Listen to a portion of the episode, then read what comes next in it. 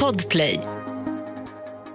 Det är måndag den 16 januari 2023. Det har gått 73 dagar och jag har fortfarande inte förlåtit Margot.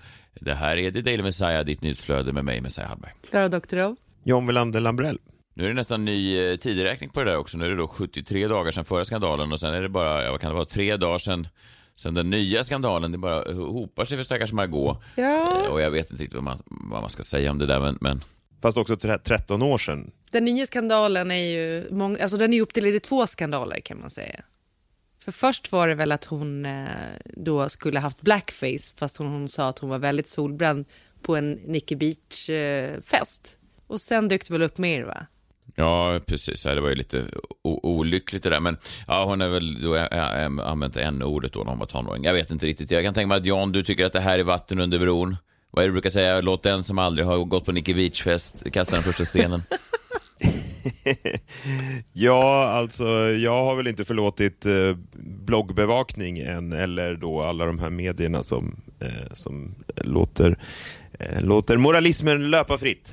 Ja. Nej, man kan väl, jag vet inte, man kan väl särskilja på det där lite grann. Jag, jag tycker det är... um, Dels så får man väl säga så här att vem har inte gjort någonting dumt i, i sin, eh, sin ungdom som man kanske inte vill ska komma i, upp i, i ljuset nu och då är det folk som säger så men jag har faktiskt inte gjort något, jag har aldrig gjort, jag har aldrig använt det ordet, jag har aldrig må- målat med blackface. Men det är ju det är rimligt, men det är, så, det är så starkt med de här människorna som på riktigt och på allvar tror att de inte har någonting i sitt bagage som andra människor skulle kunna eh, hålla fram och hålla dem, eh, krä, liksom, Ja. kräva dem ställa dem till svars för. Verkligen. för det har ju alla, men vissa människor är ju så övertygade om att de inte har det. Och de människorna är ju, är ju faktiskt läskigare än så att säga en då spolad överklasstjej som eventuellt har skokräm i ansiktet. Det finns ju en, finns ju en nivåskillnad. Jag menar, ett pucko kan man ju vara då och då och det kan ju gå över, men de här människorna som liksom bär sin moral och tror att den är den enda riktiga sanna moralen och är övertygade om att de faktiskt är moralens riddare, det, de är ju långt mycket läskigare. Ja, verkligen. Jag kommer inte ihåg vem som sa det, men det, det var ju någon som sa att det, det, finns, liksom, det finns inget farligare i ett samhälle än människor som tror att de gör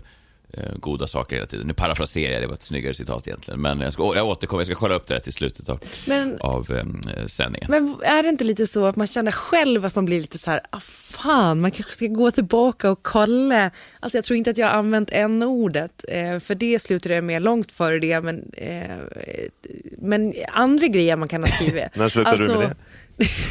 men det, det minns jag att vi hade en diskussion om redan på 90-talet när man skulle ändra namnet till chokladbollar och då var det väldigt tydligt. Eh, men sen vet jag, jag, var, jag är ju en familj där man fortfarande använder n-ordet ganska ledigt eh, fastän man kallar sig själv för antirasister, vilket jag tycker är intressant. Men jag har slutat orka och liksom diskutera det. Men det var att tänka om andra grejer som man har, eh, kanske att man har skrivit ordet dvärg eller ja, ni vet. Det finns ju hur mycket som helst. Jag tror det. Blev, Ja, blev ja, inte jo, ni jo, lite nervösa? Alltså just på kommentarer på gamla Facebook-bilder. Ja, men jag menar såklart att det, alltså, så det finns väl, det finns väl fan en sjö ur varenda människas eh, arkiv och ösa ur Ja. sådär. Och eh, det, är väl, det är väl det som är... Sen, sen är det också gulligt att man tänker att hur kunde de inte ha bättre koll på att man inte skulle ha blackface och använda n-ordet i Saltsjöbaden, Sveriges rikaste kommun. För, vad tror, hur tror de att rika samhällen utan svarta människor talar om Alltså vad, vad tror, alltså, Saltsjöbad, jag tror det är ganska lite skillnad på Saltsjöbaden sådär, när det här var nu 2002, 2005, ingen aning, och Saltsjöbaden 2023 eller Saltsjöbaden 2043. Det är ett väldigt icke-progressivt samhälle Nej. där jag misstänker att det där ordet slängs. Det är inget försvar, jag bara säger att det är roligt att tänka att hur kan de, det är väl så, det är väl så rika människor pratar om människor som de eh, kanske då har vissa förutfattade meningar om. Jag vet inte, förvåningen förvånar mig. Ja men verkligen. Jag tänker också så tidsmässigt, just uh, ungefär samtidigt så jobbade jag ju på Tusen apor med Kalle och Alex Schulman och då hade de hyrt in hundra svarta män och de sökte då på statist.se efter hundra afrikaner. Men de här svarta männen skulle bland annat gå fram till en bil som någon satt i och lyfte bort den, alltså flytte den. Eller en tjej skulle gå i en gränd och så, så från båda hållen så skulle det komma ett gäng eh, svarta män springa mot henne och sen eh, ta upp henne och så kasta upp henne i luften några gånger, sätta ner henne och sen gå därifrån. Eh, och så skulle det här filmas med dold kamera. Och det här pågick ju alltså samtidigt som Margot Dietz målade blackface då, om hon nu gjorde det eller inte, det låter jag vara osagt. Men eh, det- alltså, det var väl lite så det såg ut så. Ja, men menar du att hon bara var i behov av pengar och sökte statistjobb? Att hon försökte, Hon kom direkt från hon casting. försökte pass som, som en Men hennes afrikansk sätt att ta sig man. in. Det mäktiga Schulman-imperiet. Det är ett Hon nytt, ville ha in en fot i branschen bara. nytt lager till skandalen måste man säga. Det var så hennes mediekarriär började. Det var 99 svarta män och en blond tjej med skokräm i ansiktet som gjorde den där sketchen om man tittar noggrant.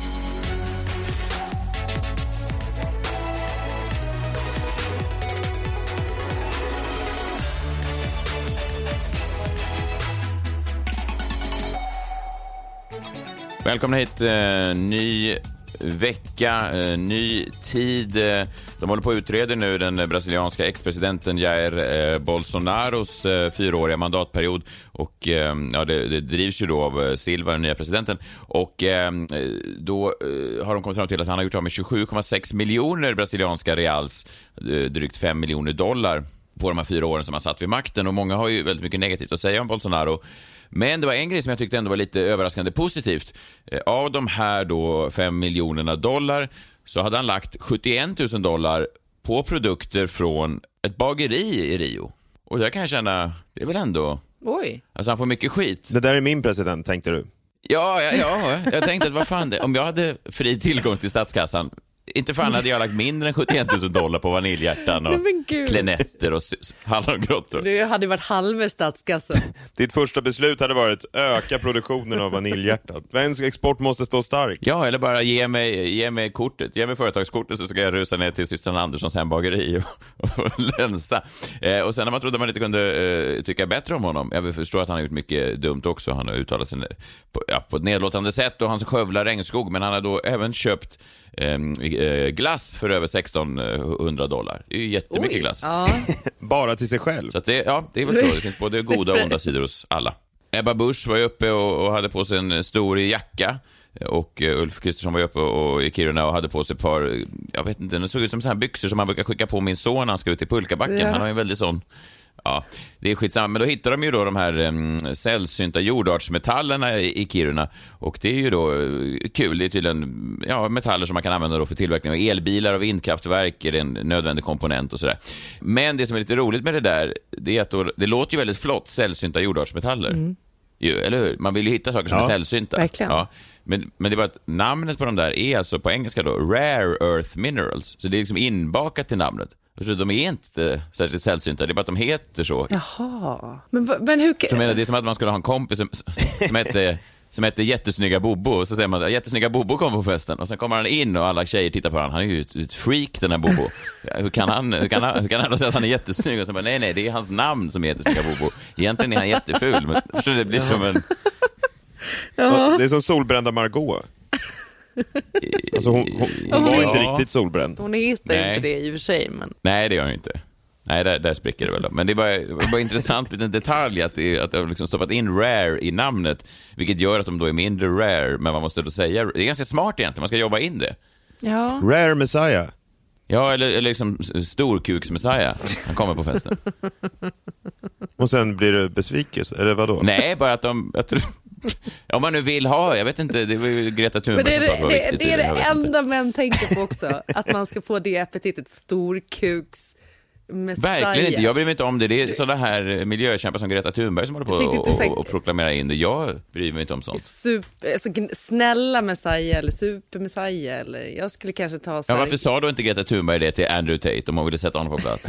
Du är inte snäll. Jag bryr mig inte om din penisstorlek, Andrew, men om du hade varit snäll hade du kunnat få gå på en dejt med mig eller någonting. Det hade ju varit rimligare. Gud, tänk de två på dejt, fy fan. Ja, spännande ändå. Det hade varit ett sånt spännande mötet i SVT. Ja. Att de sitter på varsin kant och sen får de liksom sammanfatta i en sån separat synk. Så Andrew bara, jag tyckte ändå Greta hade några bra poänger. Eh, Jag ska börja med det här och sortera färgat glas och ofärgat glas. Jag ska ta med mig vissa grejer härifrån. Jag har också två Hollywood-nyheter eh, som jag såg i helgen då, som är högst aktuella, men som jag tror att allmänheten har fått om bakfoten. Jag tänker att vi börjar med Britney Spears. Minns ni att jag pratade om henne före jul? Jag har ju doktorerat i Britney Spears under julledigheten. Eh, jag tror nästan att jag skulle kunna få högskolepoäng för det här. Men jag tror att jag har lagt kanske åtta timmar... Ja, problemet är väl att hitta en skola som, som godkänner vetenskap. Britney Spears kunskap, 20 poäng. Nej, men jag tror att jag har lagt kanske, ja, men i alla fall fyra timmar om dagen bara på Britney Spears. Eh, men nu har hon då visat sig utomhus bland folk för första gången på väldigt länge. Jag skulle säga i månader. Eh, man tror ju att hon kan ha varit på eh, Jack in the Box eh, någonstans i slutet av november och skällt på någon stackars anställd där. Men nu är det första liksom, bekräftade sighting av henne på en restaurang eh, i LA. När hon var ute då i helgen med sin man Sam Mascari eh, och de skulle käka middag. Och sen så eh, ser man då film på henne där hon sitter och försöker gömma sig bakom menyn. Och efter en liten stund så ställer sig hennes man upp och går. Och nu så tror man då att de har börjat bråka och vittnen säger att hon var unhinged, alltså att hon inte var helt liksom klar i knoppen och att hon har pratat rapparkalja och de hade bråkat och Sam då ställer sig upp och går. Och det här tror jag att man har fått helt om bakfoten. Alltså, jag har ju varit tusen gånger på restaurang med min man som har slutat med att någon av oss ställer sig upp och går. Bara senast när vi var i London då var jag bara glad att det var, det var engelsmän som satt runt omkring oss som inte hörde vad vi bråkade om. När han bland annat kallade mig för fitta bara för att jag tyckte att han, han hade beställt in bröd och det är väldigt onödigt att ta in bröd när man är på en fantastisk pastarestaurang och kan äta sig mätt på pasta. Kan det ha varit någonting sånt här de tjafsade om? Det behöver inte vara så mycket allvarligare än så. Alltså man bråkar ibland och det blir lite upphettat och någon ställer sig upp och går från bordet och sen kommer tillbaka om en liten stund eller inte alls. Eller? Vad tror ni? Ja, det där är ju ehm, det där är intressant, för jag har ju lite samma inställning som, som dig där, Klara, att, att, det, att det är så relationer är. Men jag kan tänka mig till exempel som i, i Johns fall, jag och John har ofta haft lite tjafs om det där, hans relationer verkar vara lite mer eh, stillsamma.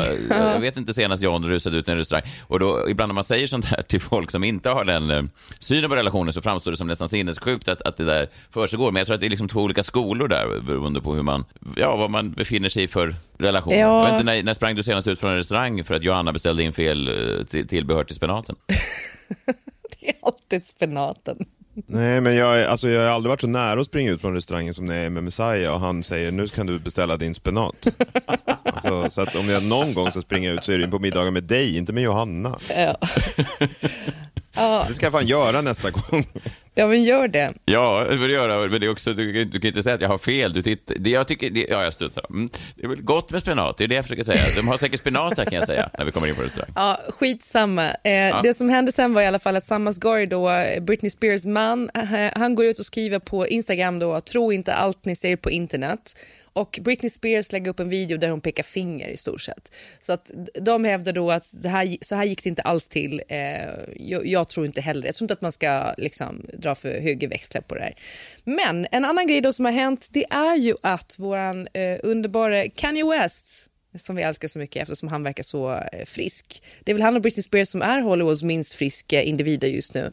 Men han har gått och gift sig igen eh, och eh, han har då gift sig med arkitekten Bianca Sensori som är en gammal kollega till honom som jobbar på GC. Eh, och det här ska också vara Kims nemesis. Och Kanye West släppte för en månad sedan låten Sensory Overload där han bland annat sa i låten då, låttexten, Bibeln sa jag kan inte ha mer sex förrän jag är gift. Eh, och det skulle då förklara bröllopet där han sen går och gifter sig med Bianca Sensori som Sensori Overload-låten handlar om. Man tänker så här, ja de, de är väl säkert kära. De kan ha blivit kära på jobbet, det händer väl rätt ofta och sådär. Och det verkar ju som att eh, Kim Kardashian har hatat henne för att, eh, ja, de kanske har haft lite sån här stämning. Eh, men jag tror att eh, orsaken till det här giftermålet är något helt annat. Och det är så här. Bianca Sensori ser precis ut så som Kim Kardashian försöker att retuschera sina bilder. Alltså det är så Kim vill se ut. Och jag är helt övertygad om att Kanye bara gifte sig med Bianca Sensori för att ge igen på Kim vilket är ett jävla bra sätt att göra då, att han byter upp sig mot en 15 år yngre och snyggare version av henne. Alltså jag lovar, när man ser Kims osensurerade bilder, Kims censurerade bilder och sen ser man en bild på Bianca Sensori vilket är sjukt också att hon hittar Sensori. Men eh, då ser man ju att det är precis så Kim försöker se ut. Jag tänker att jag lägger ut bilder på vår Instagram så får ni se. Och källor inifrån har även sagt att Kim då hatar Bianca Sensori för att Kim hatar snygga tjejer. I rest my case. Ja, vem gör inte det om man ska vara ärlig? Ja. Det var två nyheter från Hollywood som jag tror att folk har fått om bakfoten.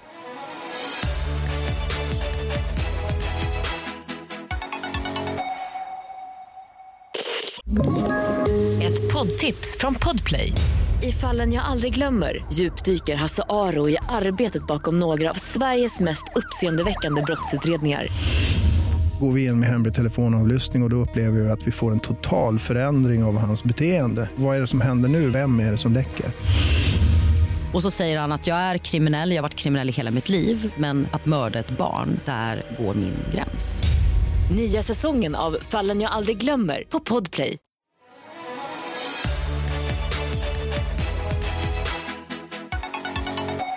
Nu hittade jag det här citatet som jag pratade om i början. Ehm, det är då från Mandel Creighton som var en brittisk historiker och eh, biskop.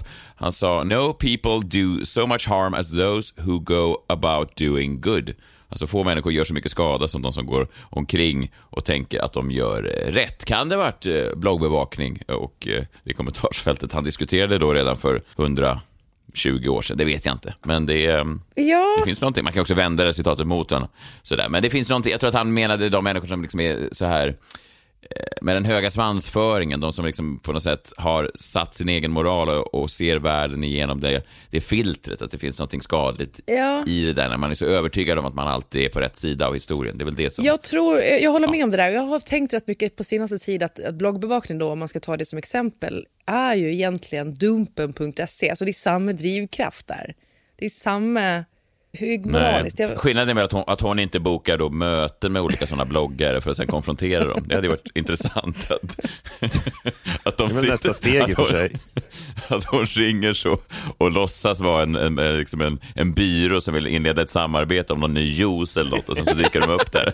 Någon, som, någon blond influencer och så bara “Aha, du ska möta”, jag vet inte om hon pratar så men det känns som hon gör. Du ska möta, du trodde du skulle möta ett juiceföretag, eller hur?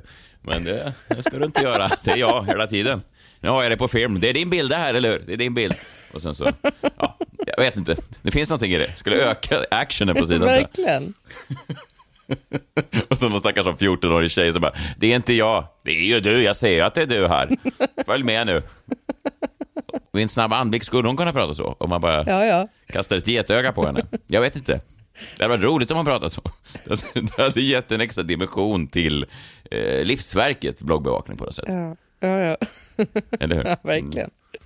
Liksom landsortens slutliga revansch mot storstan. Jag får för mig ändå att hon kommer söderifrån och det känns som att du pratar lite mer gnällbältet men eh, jag kan ha fel. Ja, jag tror att jag försökte Värmland faktiskt, men jag är väldigt dålig på dialekter så jag är lite Men det orolig. gnälls, det gnälls väl överallt? Ja, det gör det fan. Mindre Ja, det gör det faktiskt. På tal om folk som borde varit cancellerade för länge sedan, eh, dags att plocka fram den, ja. Långt uppe på vinden där hittade han den Det var en tombola, han sa fint att se dig min vän Han gav den ett namn och den öppnade sig Det blev en jag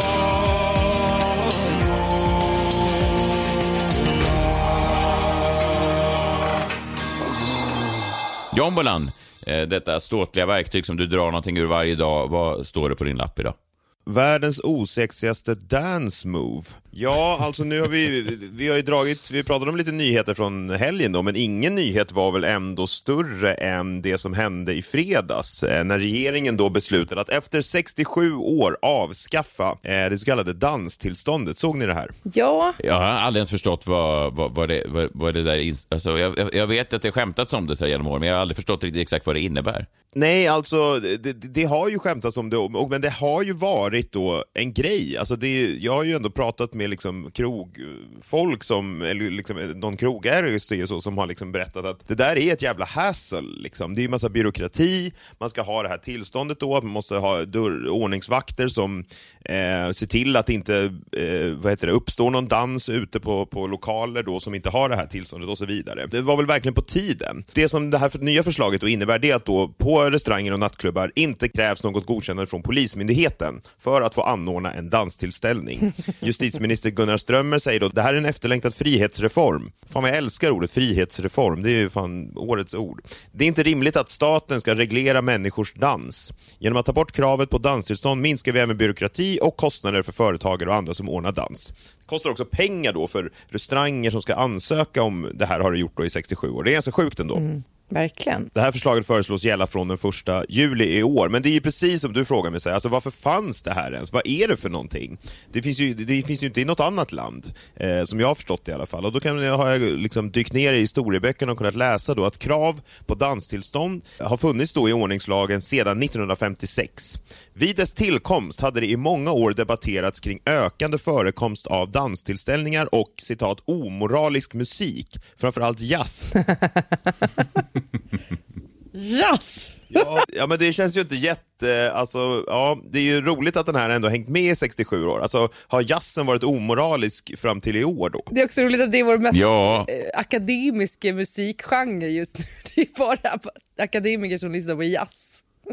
Ja, men var den omoralisk då för att den, var, för att den kom från liksom det svarta USA? Var den, var den sån från början, att den var farlig? Liksom, att den sågs... Alltså, Ja, att- alltså, den kom väl från, den här Nicky Beach-festen i Ja, precis, från Margaux kompisar då. Ja. Ja. ja, men eh, man ville då, det var den här ökade förekomsten av omoralisk musik, alkoholkonsumtion och okontrollerade möten mellan unga män och kvinnor. Vilket i debatten på 50-talet kallades dansbaneeländet. Vilket så vitt jag vet är det Messiah fortfarande kallar nattklubbar. ja, det är ett jävla eh, högt ljud där inne och svårt att höra vad man tänker. Och det är elände skulle jag kalla det. Vad, vad, sa du att det, att det kallades för? Dansbaneeländet. Ja, det var bra. Där har vi det. Ja, men det, det här är jag såklart väldigt glad för, avskaffandet av det här danstillståndet. Men direkt när jag nåddes av den här nyheten så gick jag såklart ut på lokal för att fira. Men jag började sedan tveka lite grann. För precis efter det här skedde, när jag var ute på kvällen, så bevittnade jag världens osexigaste dance move. Och eh, ja, men här i Thailand finns det inget danstillstånd, så vitt jag vet i alla fall. Jag har varit på några lokaler där det förekommit dans. Men det var först nu som jag såg det här och det var från en bekant här nere. Jag behöver inte säga vem det var, men det var en kvinna och det var inte bra alltså. Inte bra alls, eh, det här movet. För det finns väl ändå inget osexigare i dans än när det tillkommer spex, tycker jag. Håller ni med om det? Vad tråkig du är nu. Mm. Det är väl kul? Ja, jag vet. Spex generellt sett. Ja, men kul kanske det är. Aj, aj, ja. Spex kan vara kul, men det är Nej, inte jag sexigt. förstår. Min man brukar säga när jag gör något sånt litet dance move att han aldrig kommer få det osett och att det kommer påverka hans sexliv för lång tid framöver. Ja. ja. Jag tror att det är, det är ju sorgligt att då, om man tänker att det här är främst den manliga blicken, att den är så... Den manliga heterosexuella blicken ska man väl förtydliga då, kanske att den är så enkelspårig och simpel att man då... Ja, Att det är svårt att ose en, en skojfrisk... Men jag kan hålla med om det. Det finns kanske... Är det få saker som är mer osexiga än spex, generellt sett? Det är... Nej, men speciellt inte om man ska blanda ihop de där två. Nej, och det är väl lite eh, all respekt till kvinnor som ändå kan se män spexa runt och ändå fortfarande gå hem med dem. Det är ju fascinerande varför de gör det. Men är det verkligen så? Är det verkligen manlig och kvinnlig grej? Nej, det kanske inte är, men jag tänker inte, vad finns det för, vad finns det för spexkillar idag? Är det liksom, är det Joakim Lundell och är det, är det han Men Per rödhåriga Mauri? Andersson Är han, är väl ganska spexig? spexig, men, men Per Andersson är ju spexig hela tiden. Han, Han försöker väl inte vara se- Ja, men jag vet, men han försöker väl inte vara sexig? alltså, det är Nej, just den här men det- kombinationen som man ska undvika. men roliga killar är ju alltid sexiga ändå. Det är det, det är där skillnaden ligger. Roliga killar får alltid knulla. De, det är sexigt när killar gör det men inte när tjejer gör det. Där ligger problemet. Det är den manliga blicken. Jag tycker Per Andersson är sexig. Ja. Ja, men jag vet, men man kan ju vara, en spexig person kan väl vara sexig i sig, men sen om den försöker på sig ett sexigt move så blir ju inte movet sexigt. Eh, skitsamma. Det här var i alla fall först, det jag bevittnade, var först ett sexigt dance move. Jag bara målar upp bilden här så att du, du, är, på en, du är på ett ställe, du får upp, eh, din hundvissla går igång liksom. Du får upp, nu är det sex, nu är det något sexigt dance på gång. nej. Intresset väcks. Inget, Intresset väcks. Nej, nej, inget, det hade Intresset ingenting med väcks. det göra. Nej, det var ingenting alls, utan jag och min tjej var ute och vi bevittnade det här tillsammans då. Och det som vi såg var, det var först ett sexigt dance move, kanske det vanligaste sexiga dance movet som finns, följt av spex som förstörde allt. Dansen var då, jag ska försöka förklara, jag vet inte riktigt vad den heter, men alltså eh, drop it low och sen upp med rumpan först. Kan ni se det framför er? En squat typ och sen upp Ja, men med alltså rumpan. typ som en twerk uppåt eller? En twerk uppåt, alltså en twerk, fast alltså man går ner då Drop. med hela kroppen och sen liksom twerkar upp rumpan. Ett knäböj och sen följt av en uppåt squat. Ja, fast det vet jag inte om det heter knäböj. Alltså, det låter ju också osexigt. Alltså, Uppåtskott. älskling, kan du inte göra knäböjet som jag tycker? Det har ingen sagt någonsin. Ja, nej, men ni, vet, ni, ni kan se movet framför er. Ja, jag fattar. Ja. Ja, det är en kvinna då som först drop it down low och sen går upp med rumpan först och någon slags twerk. Och den här kvinnan som vi såg gjorde en variant på det. Hon dropped low, gick upp med rumpan först och sedan höll sig för baksidan av ryggen som om hon fått ryggskott. Alltså förstår ni?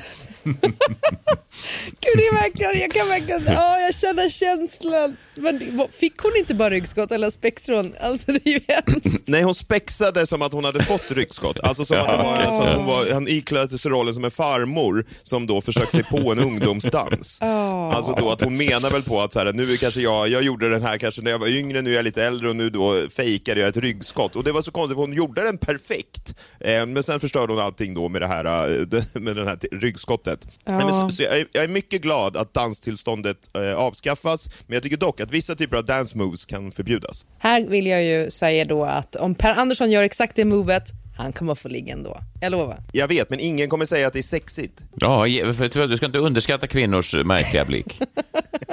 Kvinnors märkliga blick. det är ju så det Ja, men hur är. ofta har man inte stått på en nattklubb och sett så här, någon, någon jävla märklig kille gå hem med så här, två kvinnor under armen och så tänker man, vad fan är det som pågår här? Ja. Det, jag, man ska inte underskatta den, men- den märkliga blicken. Du kunde alltid frågat mig.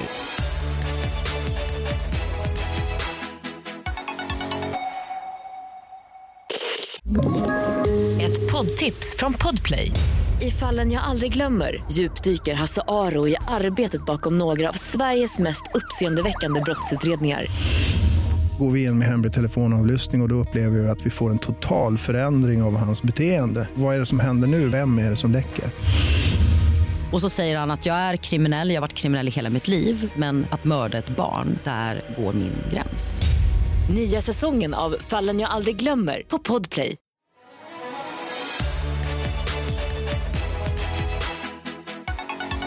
Dags nu att dyka ner i den eh, kitten som aldrig slutar koka.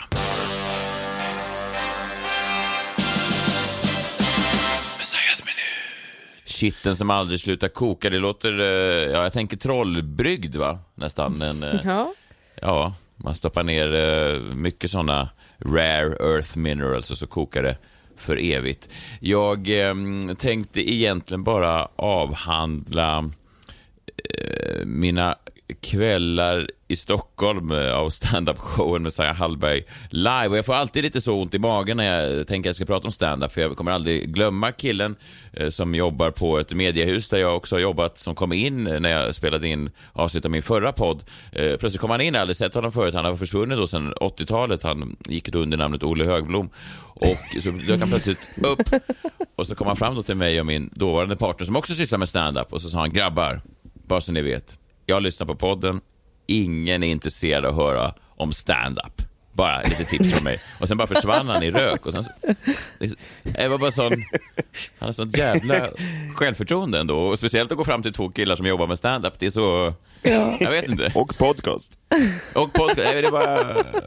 Jag var två kvällar på Rival i, i Stockholm, eh, slutsålt. Jag vet inte vilken av kvällarna ni, John och Klara, var på, men jag försvann, ni försvann i mängden. Det var så mycket folk, jag kan inte hålla koll på alla. Men det som var intressant var att det var två så väldigt olika, eh, två helt olika kvällar och jag har bjudit in lite folk ena kvällen och lite folk andra kvällen. Och det blev perfekt i det avseendet att, att fredagen var, ja men det kanske var ett av de bästa, eller ett av de gig som jag var mest nöjd med i min karriär. Det var liksom perfekta förutsättningar för stand-up. Det var liksom folk som var fredagsglada, men de var inte för glada. De var lyssnande men exalterade, de var energifyllda men ändå rofyllda. Det fanns liksom en, jag, vet, jag är inte jättebra på skidåkning, men jag vet att skidåkare ofta pratar om perfekta förutsättningar för skidor. Jag vet inte om det ska ha snöat ett visst antal timmar innan, eller, eller vissa minusgrader. Jag vet inte. Men det, det, finns ju då perfekta förutsättningar och så var det verkligen i fredags eh, för den typen av stand som jag tycker om att göra. Och det som var så fint då var att det var just de som var bjudna då den kvällen. Det var liksom så här DNs recensenter var där, höga chefer på SVT var där den kvällen, vänner till, eh, till Adam, Eh, eller familj till Adam var där. Det var liksom eh, eh, det var viktigt för mig att den kvällen var så pass finkulturell så som stand-up kan bli. Liksom det var referenser och sånt där i den showen som jag egentligen har struntat i ganska stora delar av Sverige, för jag tänker att folk i Övik är ganska ointresserade av mina Frans Kafka-referenser, men det kändes som att de skulle in där och då. Eh, och det var fint, det var en otrolig kväll. Sen lördagen var också otrolig, fast på ett annat sätt. Det var liksom en, man märkte direkt när man klev på, och då var det bara en massa vänner som var inbjudna och det var mer fine, för de behöver liksom inte, jag behöver inte imponera på dem med massa Frans Kafka-referenser. Eh, och det var liksom en mer energifylld, de var liksom gladare i, jag vet, de, de, det var senare show, det var lördag, folk kanske hade druckit mer, det var liksom lite mer så att folk ville ropa och var lite mer delaktiga och jag, jag kunde inte låta bli att tänka på att, att, att John var där, för det var folk lite längst bak som hela tiden var tvungna att gå ut och fylla på sina vinglas och då tänkte jag alltid, vad är det för jävla idioter? Sen tänkte jag på John då, att han hade väl antagligen känt efter en kvart av stand-up med mig att nu är det dags att dricka lite mer. Antar jag. Du vet att jag hade tagit med mig tillräckligt in från början. Ja, ja antagligen. Men, men om det hade tagit slut så hade du känt, fan det är roligare ändå med en, en vinare här inne. Eller hur? Ja.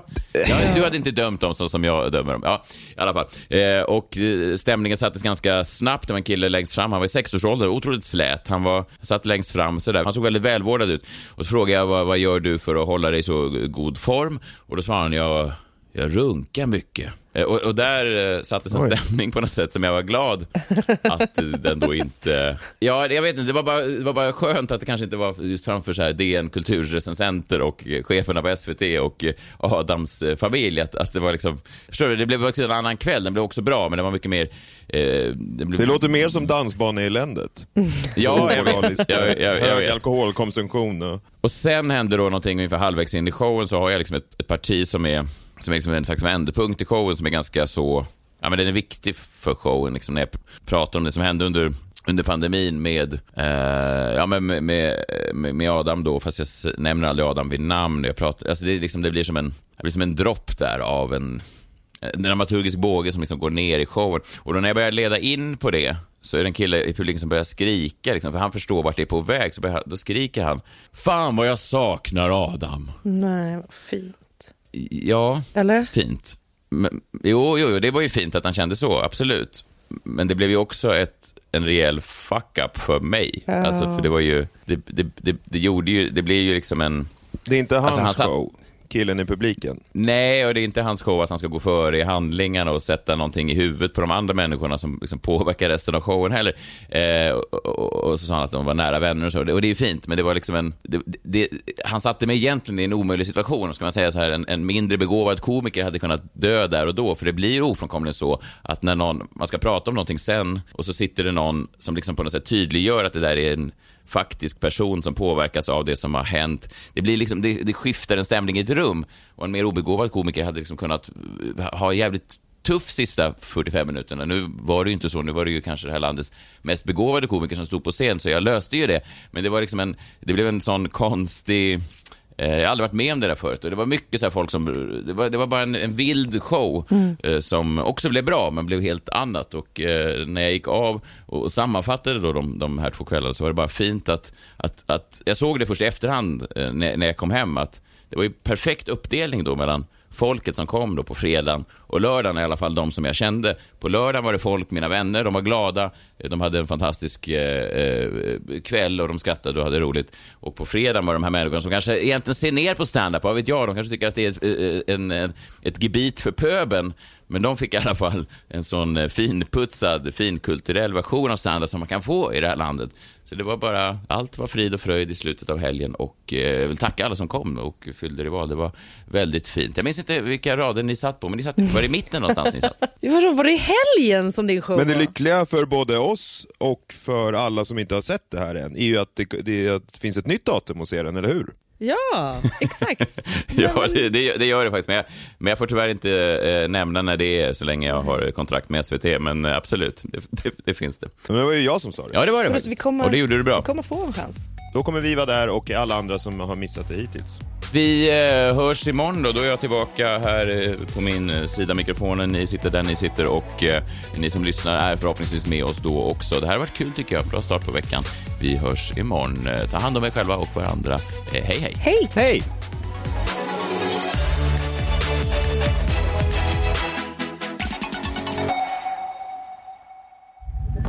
Podplay, en del av